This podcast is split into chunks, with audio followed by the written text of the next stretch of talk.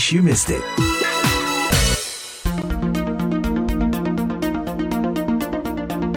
Pendengar Anda tengah mengikuti acara In Case You Missed It VOA dari Washington DC bersama saya Leonard Triono. Setiap tahun setelah acara wisuda selalu muncul wacana terkait isu ketidakpulangan sebagian penerima mahasiswa pemerintah Indonesia yang dikelola oleh Lembaga Pengelola Dana Pendidikan atau LPDP.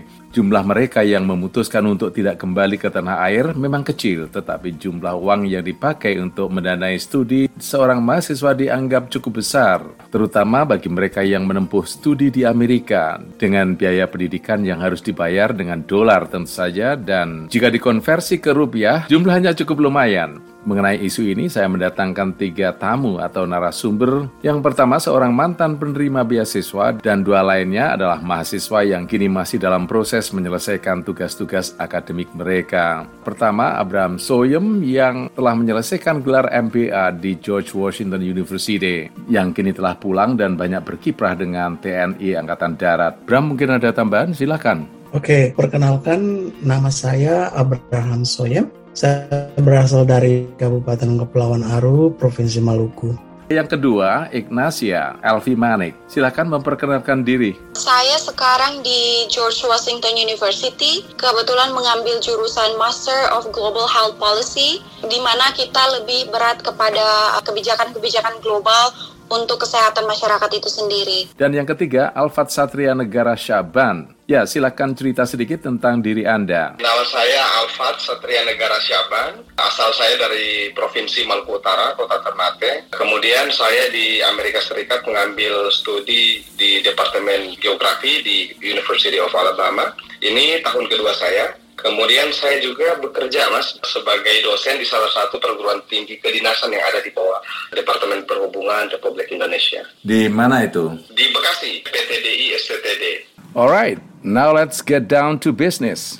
Mulai dari Abraham Soyem, bagaimana pendapat Anda mengenai penerima beasiswa LPDP yang memutuskan untuk tidak pulang ke Indonesia? Sebetulnya begini, saya juga agak kecewa ya. Kita ini harus tahu diri ya negara udah mengeluarkan miliaran rupiah untuk sesuatu yang kita impikan sejak dulu misalnya. Jadi kalau udah dikasih, negara udah membiayai, negara udah manjakan dengan sekian miliaran untuk gapai mimpi yang kamu targetkan dari dulu-dulu, ya udah. Setelah dapat itu kembali dong untuk negara. Oleh sebab itu sebenarnya tahu diri aja gitu loh.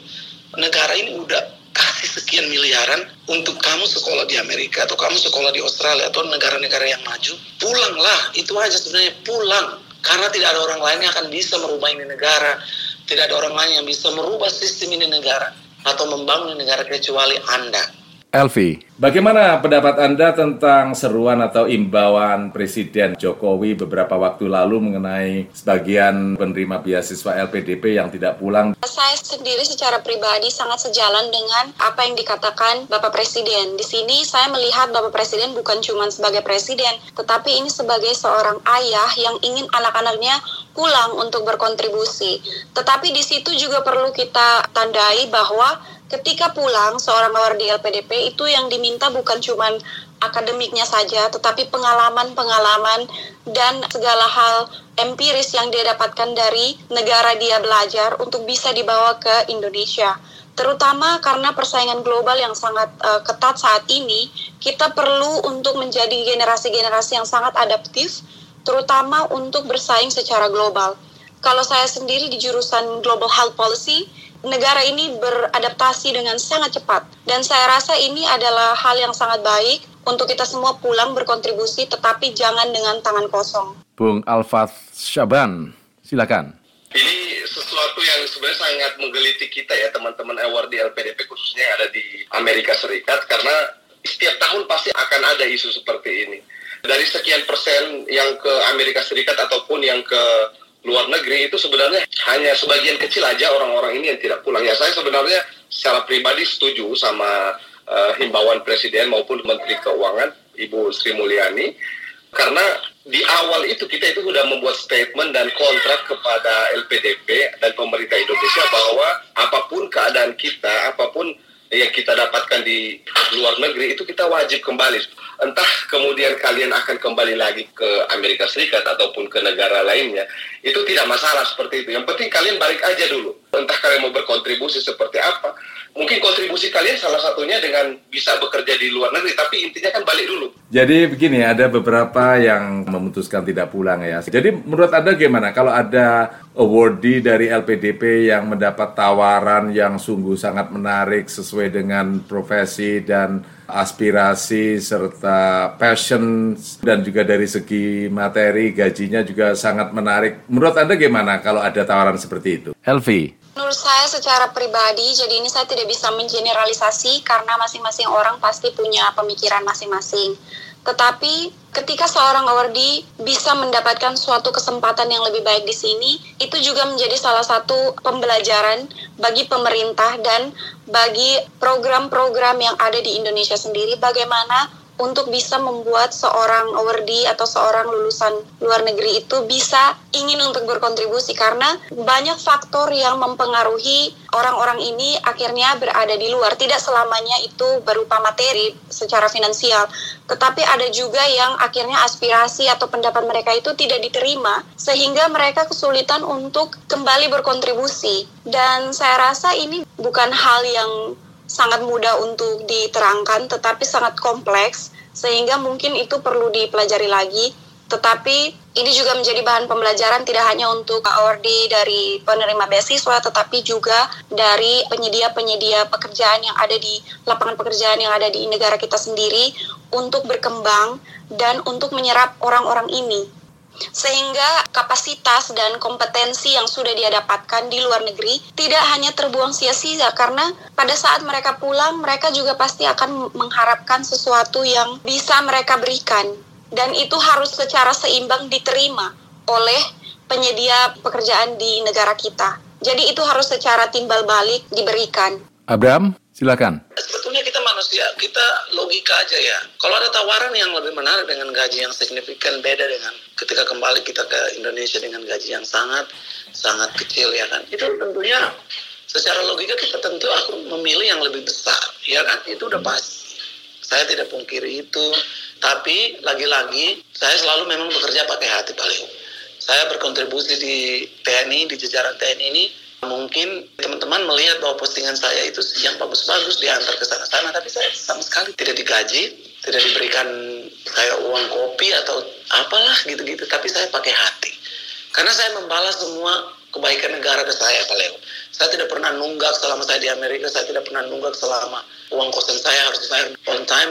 Itulah bentuk respect saya kepada negara gitu kan. Ya ini udah menjadi cita-cita saya dulu terus negara udah membantu saya dengan segitu baiknya ya saatnya saya harus memang berkontribusi kalau masalah gaji ya kita nggak bisa ini ya kita humanis kita pasti memilih yang lebih gede. Tapi lagi-lagi kalau kamu memilih yang lebih gede ya kamu pasti bertahan di Amerika. Terus siapa yang bangun negara ini kalau bukan Anda? Ya kan? Kita kan future leader. Berarti tugas kita adalah memang harus bangun negara ini. Kita harus bikin negara ini lebih bagus dari sisi gaji dan sebagainya. Gak ada pilihan lain.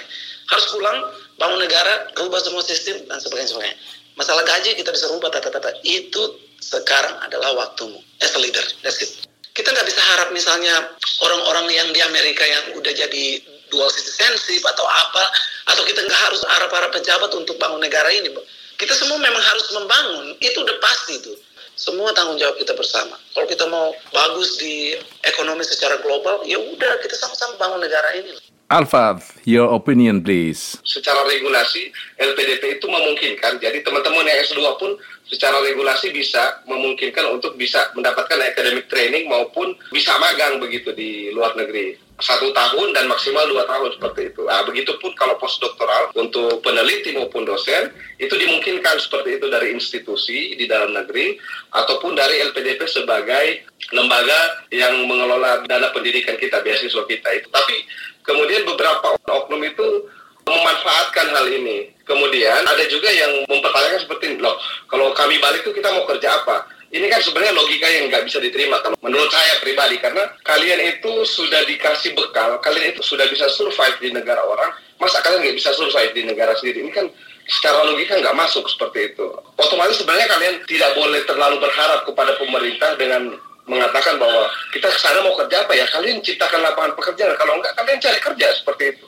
Jangan terlalu manja, udah dikasih beasiswa, terus kalian mau juga langsung disuapin ini loh pekerjaan itu kan nggak bisa seperti itu Saya pikir yang disampaikan Bapak Presiden, Pak Jokowi terutama ini, sebagai pengingat lagi kepada teman-teman awardee yang mungkin sudah terlanjur membuat kontrak dengan perusahaan ataupun dengan tempat dia bekerja saat ini, untuk bisa berpikir kembali apa-apa kontribusi kalian untuk Indonesia seperti itu. Negara sudah banyak sekali mengeluarkan biaya untuk kalian satu orang itu bisa bermiliar-miliaran loh.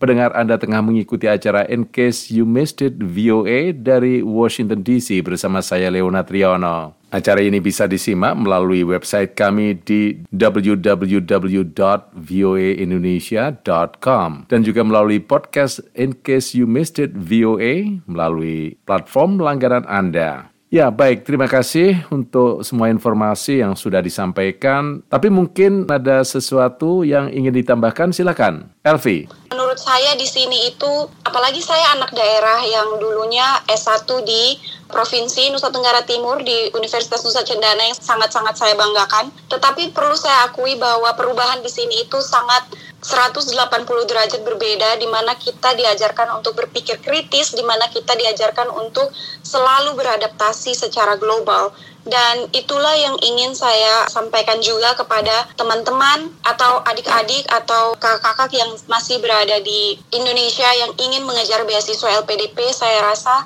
perlu ditingkatkannya keinginan dan kemauan untuk berkontribusi dan juga untuk berkembang jadi secara terbuka menyerap apa pun yang perlu dipelajari di negara orang untuk nanti bisa kita terapkan atau kita sesuaikan dengan kebutuhan apa yang perlu kita rubah di negara kita, terutama di wilayah kita masing-masing. Kalau saya nanti di Atambua, Nusa Tenggara Timur. Dan untuk awardee yang sekarang saat ini sedang menjalani perkuliahan seperti saya, jangan menyerah karena ini bukan hal yang mudah ya, terutama untuk membuat suatu perubahan itu tidak bisa secara instan, tetapi kita ini adalah bibit-bibit yang sangat diharapkan Indonesia untuk kembali dan berkontribusi dan beradaptasi secara global dan juga bersaing secara global. Bram, anything to add? Silakan. Tentunya program pemerintah melalui Kementerian Keuangan dalam hal ini LPDP ini, saya pikir ini program yang paling luar biasa baik masalah sukuisme atau masalah korupsi dan sebagainya gitu-gitu. Milih-milih orang dan sebagainya. Kayaknya selama perjalanan hidup saya ini saya nggak pernah lihat bahwa LPDP itu memihak ke sini memihak ke orang sini dan sebagainya. No karena mereka punya sistem seleksi yang profesional yang mana mereka memilih kandidat-kandidat yang bagus secara kualifikasi mereka memilih kandidat-kandidat yang punya visi dan misi bagus untuk membangun ini negara ke depan. Jadi secara seleksi proses itu saya pikir mereka sudah betul-betul on the top of professionalism ya. Terus dari sistem manajemennya mereka tidak pernah lelep untuk masalah pembiayaan selama kita studi di negara-negara semuanya. Dan secara spesifikasi major, saya lihat LPDP ini sangat-sangat bagus karena human resources di dalam itu juga mereka merekrut anak-anak yang sebetulnya adalah ex awardee juga. Jadi secara pengalaman mereka juga udah tahu orang-orang yang bekerja di LPDP di sistem itu juga sudah qualify. Last but not least, Alfat. Mungkin untuk teman-teman yang pelamar beasiswa LPDP ini lebih giat lagi, lebih berjuang lagi karena beasiswa ini setiap tahun biayanya tetap akan ditambahkan pemerintah dan kuotanya akan semakin besar. Ini beasiswa yang kalau menurut saya itu sangat sangat sangat gampang untuk diraih untuk teman-teman yang dari berbagai macam kalangan ya karena uh, beasiswa ini bukan cuma untuk PNS, bukan cuma untuk ini seluruh untuk seluruh kalangan. Mau dia artis, mau dia orang miskin, mau dia orang kaya, mau dia apa pun itu bisa. Bahkan santri ada beasiswa khusus untuk ini. Nah, teman-teman yang mungkin ingin mendaftar beasiswa melanjutkan studi entah di dalam ataupun di luar negeri bisa sering-sering untuk mencari informasi kemudian sering-sering untuk buka-buka lagi apa-apa saja yang dibutuhkan untuk mendaftarkan beasiswa ini. Karena semua anak bangsa itu, khususnya Indonesia, itu pantas dan layak untuk mendapatkan beasiswa ini. Karena saya dengan teman-teman internasional di Alabama itu, saya lihat beasiswa yang dikeluarkan oleh pemerintah itu yang paling bagus itu dari Indonesia. Beberapa teman saya dari negara-negara Asia Selatan, dari Cina, dari Vietnam itu mereka bilang, wah kami tidak punya beasiswa seperti itu ya Pas sekali Indonesia punya beasiswa seperti itu bisa menyekolahkan anak-anak mudanya untuk meraih mimpi dan gelar di dalam maupun di luar negeri seperti ini. Ini luar biasa untuk bangsa kita, untuk Indonesia.